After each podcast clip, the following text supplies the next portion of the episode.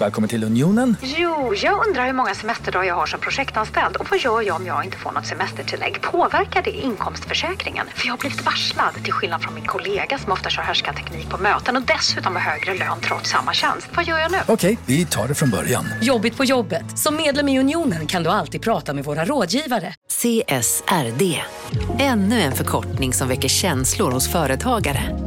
Men lugn, våra rådgivare här på PWC har koll på det som din verksamhet berörs av. Från hållbarhetslösningar och nya regelverk till affärsutveckling och ansvarsfulla AI-strategier. Välkommen till PWC. Upptäck hyllade XPeng G9 och P7 hos Bilia. Våra produktspecialister hjälper dig att hitta rätt modell för just dig. Boka din provkörning på bilia.se xpeng redan idag. Välkommen till Bilia, din specialist på X-peng.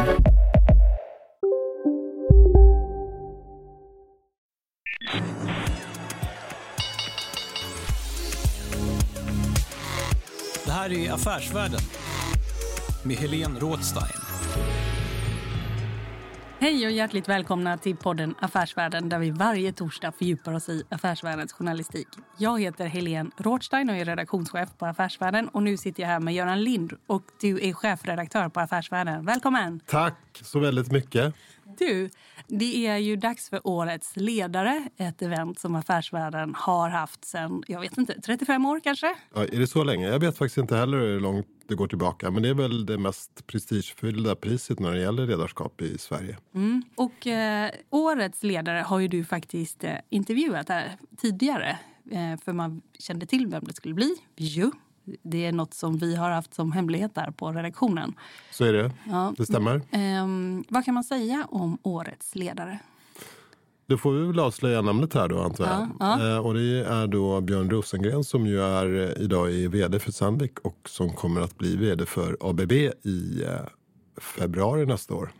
Så det är väl en av näringslivets tyngsta chefer som får priset i år. Mm, ja, vilket är väldigt så här gedigen svensk liksom, industri Verkligen. Han har ju, och han har ju en väldigt gedigen industribakgrund. Han har ju varit på ett antal olika bolag men, men kanske är mest präglad av sin period på Atlas Copco mm. och den typ av organisation som finns där. Mm. Det vill mm. säga att man har ett väldigt decentraliserad maktstruktur där ansvaret till väldigt stor del ligger på divisionscheferna. Och det är ju den modellen som han har etablerat på Sandvik och mm. som har varit framgångsrik och som till stor del gör att han får det här priset.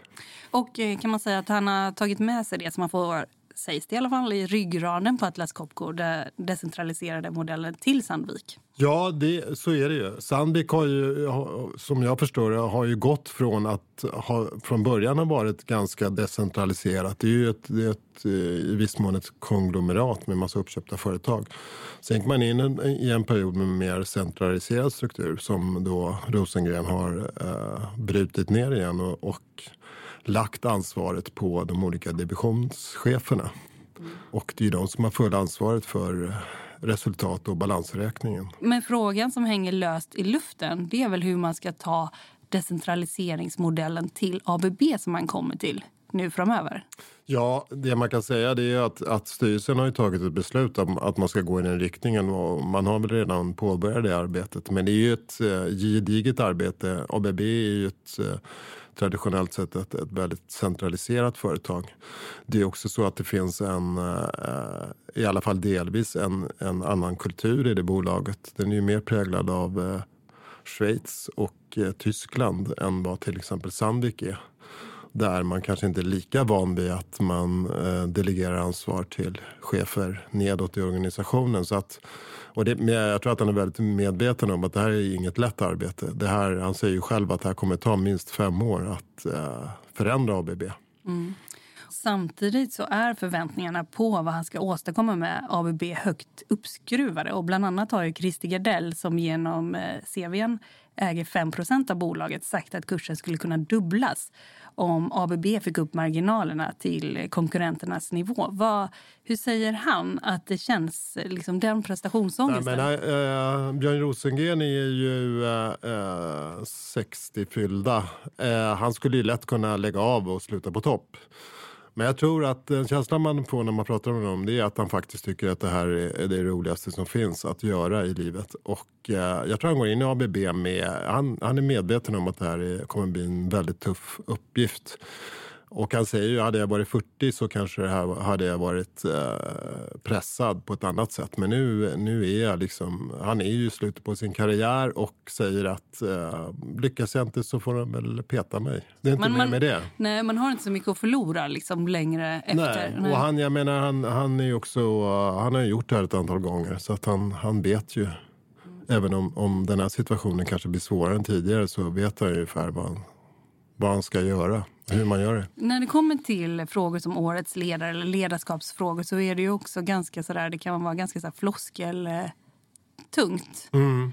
Hur, liksom, om man tänker som vi som är reportrar eller du som är chefredaktör och sådär, hur undviker man egentligen att det blir fyllt? Nej, och det, är, det, är, det är jättesvårt med ledarskap, därför jag håller med dig. Det finns väl inget område i, som är så eh, förgiftat med eh, tomma ord. Men en viktig del i det här har ju också varit att, att se vad, vad har hänt med, med bolaget i form av eh, börskurs och, och eh, vinstmarginaler och sådana hårda fakta. Och där är det ju så att Sandvik under eh, Rosengrens tid har fördubblat börskursen. Mm. Hur mycket som beror på, på decentraliseringen, det, det vet man ju förstås inte exakt. Själv säger han att han tror att mer, än- mer än hälften av börsuppgången är, är en följd av decentraliseringen. Och det, då pratar vi i siffror på ja, någonstans kring 60 miljarder kronor. Varför? Ja, jag tror att det, det är ingen enkel eh, fråga att besvara. Men flyttar man ansvaret neråt i organisationen så tas ju beslut av människor som har koll på vad som sker. Och dessutom, framförallt så är man mycket mer snabbfotad. Man kan reagera mycket snabbare på förändringar i efterfrågan. Och det har väl varit en nyckel i det här. Det var ju prisutdelning igår och du gjorde en kort vinnarintervju och den kommer här. Marknaden sponsras av SPP, pensionsbolaget. Eh, förra gången pratade vi lite om ITP. Och som en kort repetition så, så var det ju 70-tal. Arbetsmarknadens parter bestämde att alla tjänstemän ska ha en tjänstepension. Man kom överens om vilka villkor som ska gälla i den här pensionen och så kallade man den för ITP. Så jobbar man idag som tjänsteman i ett företag med kollektivavtal, då har man förmodligen den här pensionen, ITP-pensionen. Eh, och det är ju så att man kan påverka eh, den här pensionen, hur den är placerad. Vart femte år så gör nämligen Collectum, som de heter, en enorm upphandling där olika pensionsbolag kan ansöka om att få förvalta eh, de här pensionerna. Och SPP är ett av bolagen som valdes ut i den senaste upphandlingen. Och sen kan du som pensionssparare välja eh, vilket av de här olika pensionsbolagen som, som då ska få ta hand om dina pengar. Och tanken med den här upphandlingen det är ju att liksom kvalitetssäkra de här olika alternativen eh, men också att förhandla fram stora rabatter så att pensionsspararna ska få ja, kunna spara pengar genom att avgifterna eh, som är så viktiga eh, blir eh, lägre. Och vill man välja någonting i ITP-systemet då finns det en relativt ny sajt som heter avtalat.se. Ehm, där kan man gå in och se hur sin ITP-pension är placerad. Jag gjorde det häromdagen faktiskt. Ehm, idén är att hälften av pengarna alltid ligger i något som kallas för traditionell försäkring. Det här gjorde vi ett avsnitt om i podden Kapitalet nyligen ehm, som vi kallade världens bästa sparform. kan man lyssna på om man är intresserad. Den andra halvan eh, den kan man också lägga i en traditionell försäkring eller så kan man placera det i något som kallas för fondförsäkring. Eh, SPP som sagt eh, var ju ett av de fåtal bolagen som valdes ut i den senaste upphandlingen och de finns med som alternativ både med en traditionell försäkring och med eh, fonder. Så det var en liten bakgrund till ITP-systemet. Vill man läsa mer om det här eller typ kolla hur ITP-pensionen är placerad, eh, kanske göra förändringar, då går man in på avtalat.se. Eh, men tack säger jag till SPP som vill göra oss människor mer medvetna om hur enormt viktig pensionen är för oss som en framtida lön, men också som en positiv kraft i samhället eh, och förstås för att ni möjliggör eh, den här podden Marknaden. Du lyssnar på Affärsvärlden Magasin med Helene Rådstein. Jag vet ju att du sagt att om, om Sandvik går bra eller dåligt, det, det beror ju på de, de, de 20, 20 olika divisionerna. Och då frågar man sig, vad, vad har du gjort? Vad, vad, liksom, vad gör du på dagarna? Jag kommer hit och tar emot pris. Ja, Njuter av goda middagar. Det är faktiskt så. Då, förutom då att det gäller att skapa en, en arbetsmiljö där kompetenta människor trivs och där människor i organisationen är beredda på att göra en överansträngning för att skapa resultat. Förutom det då så handlar det egentligen för min del egentligen att kunna se till att vi har bra chefer ombord på de här 20 divisionerna som finns runt och att vi har tuffa målsättningar också att de strategierna som alla de här 20 stycken bolagen vi har inom Sandvik idag är relevanta i förhållande till kunderna. Och det enda sättet för mig att göra det, det är ju att besöka kunder. Så att 50 procent av min tid så reser jag och besöker våra verksamheter runt omkring och kunder. Men då åker jag inte tillsammans med andra chefer utan då åker jag själv. Du, jag vet att du har sagt att när, en av, ett av problemen när man blir chef det är att eh, man måste förstå att det inte längre spelar någon roll hur smart man är som person eller duktig som person. Ja, annars hade det gått åt skogen för Ja. Kan du utveckla den tanken lite? Var, var, varför spelar detta inte längre någon roll? Det här är tror jag, en väldigt eh, viktig del i ledarskap. Jag tror att de flesta här har ju gått på ledarskapsutbildningar och förstått det hela. Men jag brukar kalla det för the unnatural act of management. Eh, när man är på väg upp i sin karriär, då vill man gärna synas, man vill vara duktig, man vill leverera bra. Och när någonting levereras så vill man gärna ta cred för det hela. Den dagen som du blir chef, då plötsligt är det en helt annan värld. Då är det inte vad du levererar längre, utan det är vad din grupp eller ditt företag, det är det du kommer bli värderad för i framtiden. Vilket innebär att du måste skapa en kreativ miljö och för att göra det, så enda sättet att göra det, det är att ta ett steg tillbaka och låta människor i din organisation få göra bra grejer men också få beröm för det. Den enda gången egentligen som chef som man ska kliva fram och ta för sig, det är när det går åt skogen. Det låter som en otacksam roll. Ja, det är det. Men Du, ett annat kriterium här har ju varit att det ska finnas påvisbara eh, effekter. Och tittar man på hur, du, du kom ju till Sandvik i november 2015 tror jag.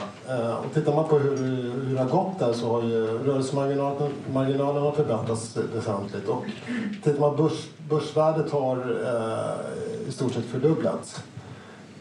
Går det att kvantifiera hur mycket av det här som är eh, decentralisering? Det finns ju andra faktorer, konjunktur, marknad etc. Men om du skulle försöka gissa det till bara, hur mycket, Bara, mycket beror på, på organisationsförändringar? alla vet ju om att vi har levt i en bra konjunktur under sista tiden och volymen har ökat och, och eh, vi har fått väldigt mycket med hjälp av valuta och annat. Så att mycket av det här är ju förstås beroende på en bra konjunktur och valuta. Men vi har väl gjort ungefär en kvantifiering att ungefär 50 procent kommer från de här faktorerna som vi inte själva kan påverka. Ungefär 50 procent kommer från de faktorer vi själva kan. Nu är det ju så att det är ju först en riktig nedgång som vi måste bevisa på att vi klarar av det här. va? Så att jag kanske får stå med eh, svansen eh, i ett hörn och säga att det blev inte så bra. Men, men vår bedömning är väl ungefär som att det är Ja. på, på den nivån. Men du, eh, i februari så lämnar du Sandvik för att gå till ABB. Hade det inte varit enklare att sluta på topp nu och ägna dagarna åt långa hundpromenader och skidåkning? Eller vad Absolut. Absolut. ABB kommer i alla fall delvis från en annan miljö än vad, vad Sandvik. Det finns ett, eh, en, en mellaneuropeisk kultur kan man väl säga. Tror du att det är svårare att jobba med decentralisering där än vad det har varit på, på till exempel Sandvik? Ja, det är lite tid att säga än, men när jag kom till Finland så jobbade jag i en, en otroligt centraliserad organisation som var Wärtsilä var. Och eh, där är också väldigt stark, eh, chefen bestämmer och alla lyssnar vad chefen säger och så gör man. I Sverige gör man inte så utan där tar ju, gör folk som man vill. Det spelar ingen roll vad chefen säger, man gör som man vill. Men så var det inte i Finland och så är det nog inte i Sydeuropa heller. Men, men i, i slutändan så, så tror jag att det här är mer ett mänskligt drag. Människor vill ha ansvar. Och frihet under ansvar är otroligt viktigt. Och jag tror ju att det här ligger i människans natur. Jag tror att människor vill ha det hela. Och jag tror att människor hatar matrisorganisationen. Det som är roligt med årets ledare det är ju att dels är ju juryn eh, den består ju av extremt seniora personer. Det är ju värt att nämna liksom vilka som sitter i juryn. Så är det. det juryn består ju bland annat av eh, Investors vd eh, Johan Forsell och eh, Industri... Industrivärldens vd sitter också där, mm. eh, Helena, Helena Stjärnholm. Ja. Och eh, sen så är det också mannen med Svartlings eh, managing partner eller vd, Jan mm. Dernestam. Mm. Och, eh, men mm. det, det, sitter ju en hel del prominent folk eh, liksom, ja. i, i juryarbetet. Folk som har erfarenhet och folk som har koll på vilka som är bra ledare. Och, och också liksom, som har koll på vad, vad, vad det innebär liksom, mm. så konkret. Mm. faktiskt. Så, som du är inne på, det här att man kan ju följa hårda fakta och hårda tal för att se om ledarskapet har fungerat eller inte. Ja. ja. Men jag haffade några andra här i publiken igår som var där på Årets ledare och hörde vad de tyckte är viktiga ledarskapsfrågor. Eh, vad heter du? Jonas Wiström. Ja, och du är? Eh, jag är VD på Ratos. Mm. Eh, och eh, du är också en eh, före detta vinnare utav Årets ledare. Vad skulle du säga det är så lätt att det blir massa floskler när man pratar om ledarskap och sådär. Vad är det på riktigt som är viktigt vad det gäller ledarskap? Jag tror ju att eh, allt företagande, all, all, all verksamhet, vare sig små eller stora företag, handlar om människor. Och därför är ledarskap extremt viktigt för ett bolags framgång. Och jag tror att ledarskap i grunden eh, kan utövas på många sätt men det bygger alltid på förtroende. Finns det någonting som du själv ångrar i ditt eh, ledarskap, liksom nu eller tidigare, som du tänker, nej men det där var inte så snyggt utav mig? Jag vet inte, men jag tror att man har ju lärt sig mycket genom åren, alltså till exempel vikten av eh, heterogena ledningsteam och då kanske man tänker först och främst på män och kvinnor. Det är också en aspekt, men heterogenitet eh, går förbi det. Det är att ha olika personligheter eh, och olika typer, vare sig de är män eller kvinnor eller Sverige, födda i Sverige eller utomlands. Eh, och eh, det förstod jag nog i alla fall inte i början. Eh, sen tror jag i grunden väldigt mycket på decentraliserat ledarskap eftersom människor som får ansvar tar ansvar och blir mer motiverade. Tack så mycket. Tack ska du ha. Björn Riese, du är advokat på Jury. Stämmer bra det, ja.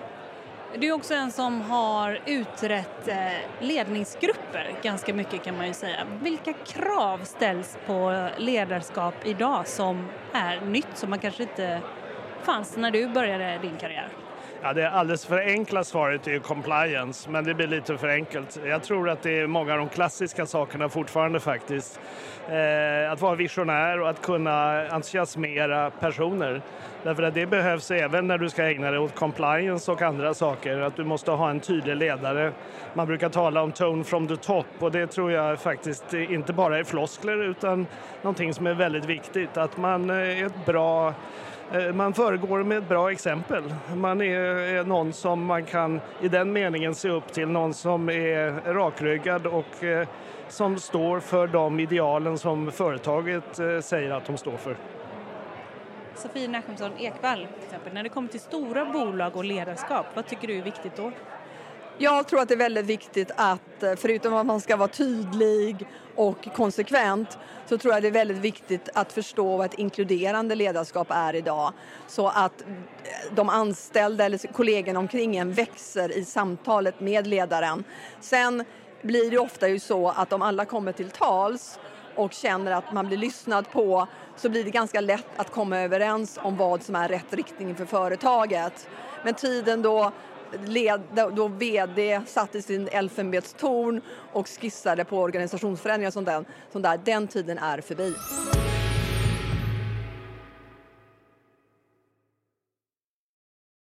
Eh, marknaden sponsras av Karla. Eh, vi pratar ju en hel del om bilar här på kontoret. Eh, karla har ju skapat, skulle jag säga, det som är standarden för hur man idag köper och säljer bilar på nätet. Kort bakgrund bara.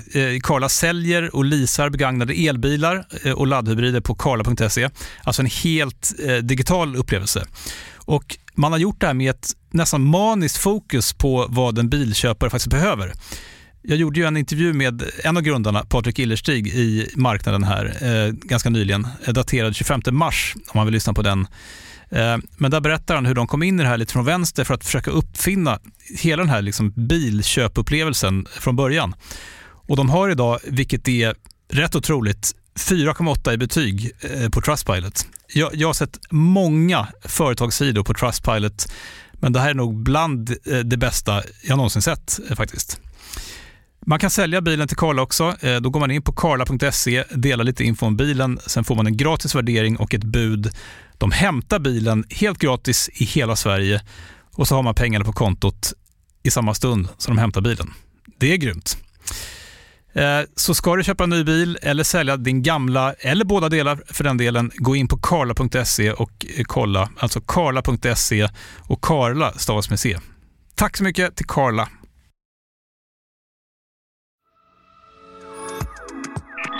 Du lyssnar på Affärsvärlden Magasin med Helene Rådstein. Ja, här då tillbaka. Du satt ju och knepade ihop hela intervjun med årets ledare som finns i, år, i senaste numret av Affärsvärlden. Just det, och den kan man läsa både i form av papper men också eh, digitalt. Mm. Och det var för övrigt inte bara intervjun jag satt och knopade ihop utan jag knopade i stort sett upp eh, halva tidningen själv. Ja. Eh, Medan du befann dig i London. Jajamän! Någon är ju tvungen att ha lite så utblick ja. ut i världen. Ja. Ja. Nej, men jag var där faktiskt och eh, det var höstlov så jag var där med två barn och sådär. Men eh, det som jag hade bokat in det var ju också att det skulle vara kul för mig med en hård Brexit. Jag hade ju sett fram emot eh, liksom, reaktionerna på gatorna. Ja, och, sådär. Ja. ja. och det blev det inte. Nej, det är väl någon slags eh, turistfälla det där verkar det vara. Så att, eh, nej, vi får se vad som händer med det. Men det var ju faktiskt andra gången inom typ två, tre veckor som jag var i London. Just det, så var det. Men ja. förra gången var det en advokatbyrå som du besökte, eller hur? Ja, det var en av Englands absolut äldsta advokatbyråer som är 90 år gammal blir nästa år. Allen Overy och där jobbar en svensk eh, advokat, eh, en delägare som heter Lisa Göransson. Och det som jag gjorde då var till vår affärsjuridikbilaga som vi, vi är ju nästan ensamma kan man säga om att bevaka den affärsjuridiska världen. Ja. ja. Eller det finns inte så många andra nördar. I alla fall bland de lite bredare affärsmedierna. Ja. Ska man säga. Ja. Men det som var intressant nu i brexit-tider det är ju vilken typ av rätt ska man använda när man syr ihop avtal. För det som har varit eh, långt tidigare det är att svenska bolag har tenderat att använda sig allt mer av engelsk rätt. Och detta är någonting som svenska advokatbyråer har blivit extremt irriterade av. Det ju, hotar ju också deras jobb och så i framtiden. Men här nu under brexit-hot så har då svenska och nordiska advokatbyråer, några stycken, uppvaktat svenska klienter som har övergått från att ha engelsk rätt i vissa avtal till då ha svensk rätt. Så vad är stora skillnaden mellan, mellan svensk och, och brittisk rätt i det här sammanhanget? Ja, jag är ju inte jätteduktig liksom, på detaljerna men det som man kan säga det är att medan det svenska näringslivet håller, de gör upp stora tvister eller små tvister enligt skiljeförfarande i skiljedomstol med skiljemän. Men en sak som man har gjort i Storbritannien som man skriver in i avtalen det är att eventuella tvister ska göras upp i domstolen, allmänna domstol. Mm. Och det gör att engelsk rätt har förfinats genom mm. så extremt många år och så mm. extremt många finansiella avtal. Och eh, då att man sen skulle göra upp i engelsk domstol eventuella tvister och sådär. Det gör liksom, tycker de som förespråkar engelsk rätt, att det är mer säkert vad, som gäller, vad det kan bli för utgång mm. vid en tvist eftersom det finns prejudicerande fall. Och, det har ackumulerats eh, ja, en massa fakta. Och... Ja.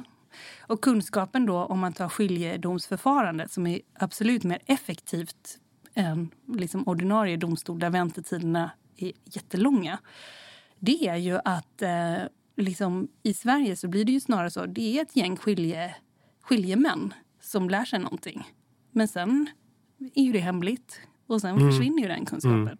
Så på liksom mer aggregerad nivå så är det ju, eller försvinner de, lär väl vidare det i ledet. Men det blir ju inte publik kunskap på samma sätt. Nej. Och i, till syvende och sist så handlar det ju juridiken om vilken tråd man ska använda ungefär mm. när man ska sy ihop avtalen. Men, men att eh, de svenska affärsjuristerna strider för det, det handlar om att det, det, de strider för sina egna affärer antar jag. Det, det, inte finns, det finns inget uh, högre syfte med Ah, det med fin- deras eh, engagemang. Det finns en an, eh, ett annat argument som eh, brukar lyftas fram. Det finns säkert jättemånga, måste jag säga, som inte jag kan. Men ett annat argument är att det faktiskt är enklare avtal. De avtalen som skrivs enligt svensk rätt är inte lika komplicerade som traditionell anglosaxiska Nej, okej. avtal är. Sägs det. Jag sitter ju inte och knåpar ihop de här avtalen. Men att det är känsligt, det är helt klart så.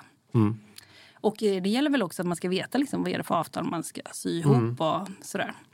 Men eh, ja, nej men eh, annars London, det är ju jättehärligt att vara där. Det Ja. känns ju ändå en puls och med folk är extremt trötta liksom, på det här hela Brexit. Och när man frågar folk inom affärslivet i London vad de tycker om Brexit, de suckar ju bara. Ja, det verkar som, som väldigt stora delar av världen suckar om ma- massa olika anledningar kring Brexit. Mm.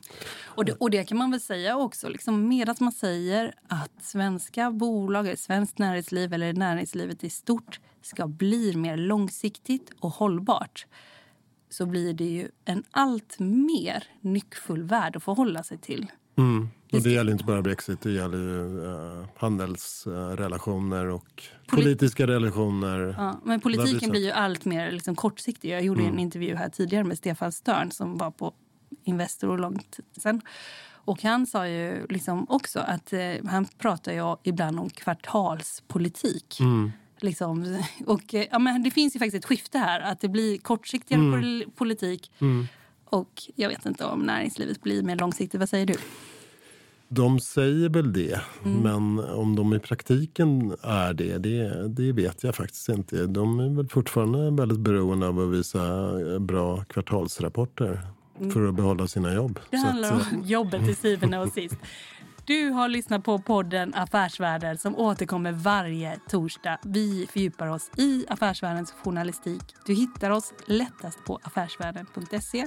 Jag heter Helene Rådstein, är redaktionschef på Affärsvärlden och idag så har jag suttit här med Göran Lind som är chefredaktör. Podden Affärsvärlden den är tillbaka om en vecka. Håll ut!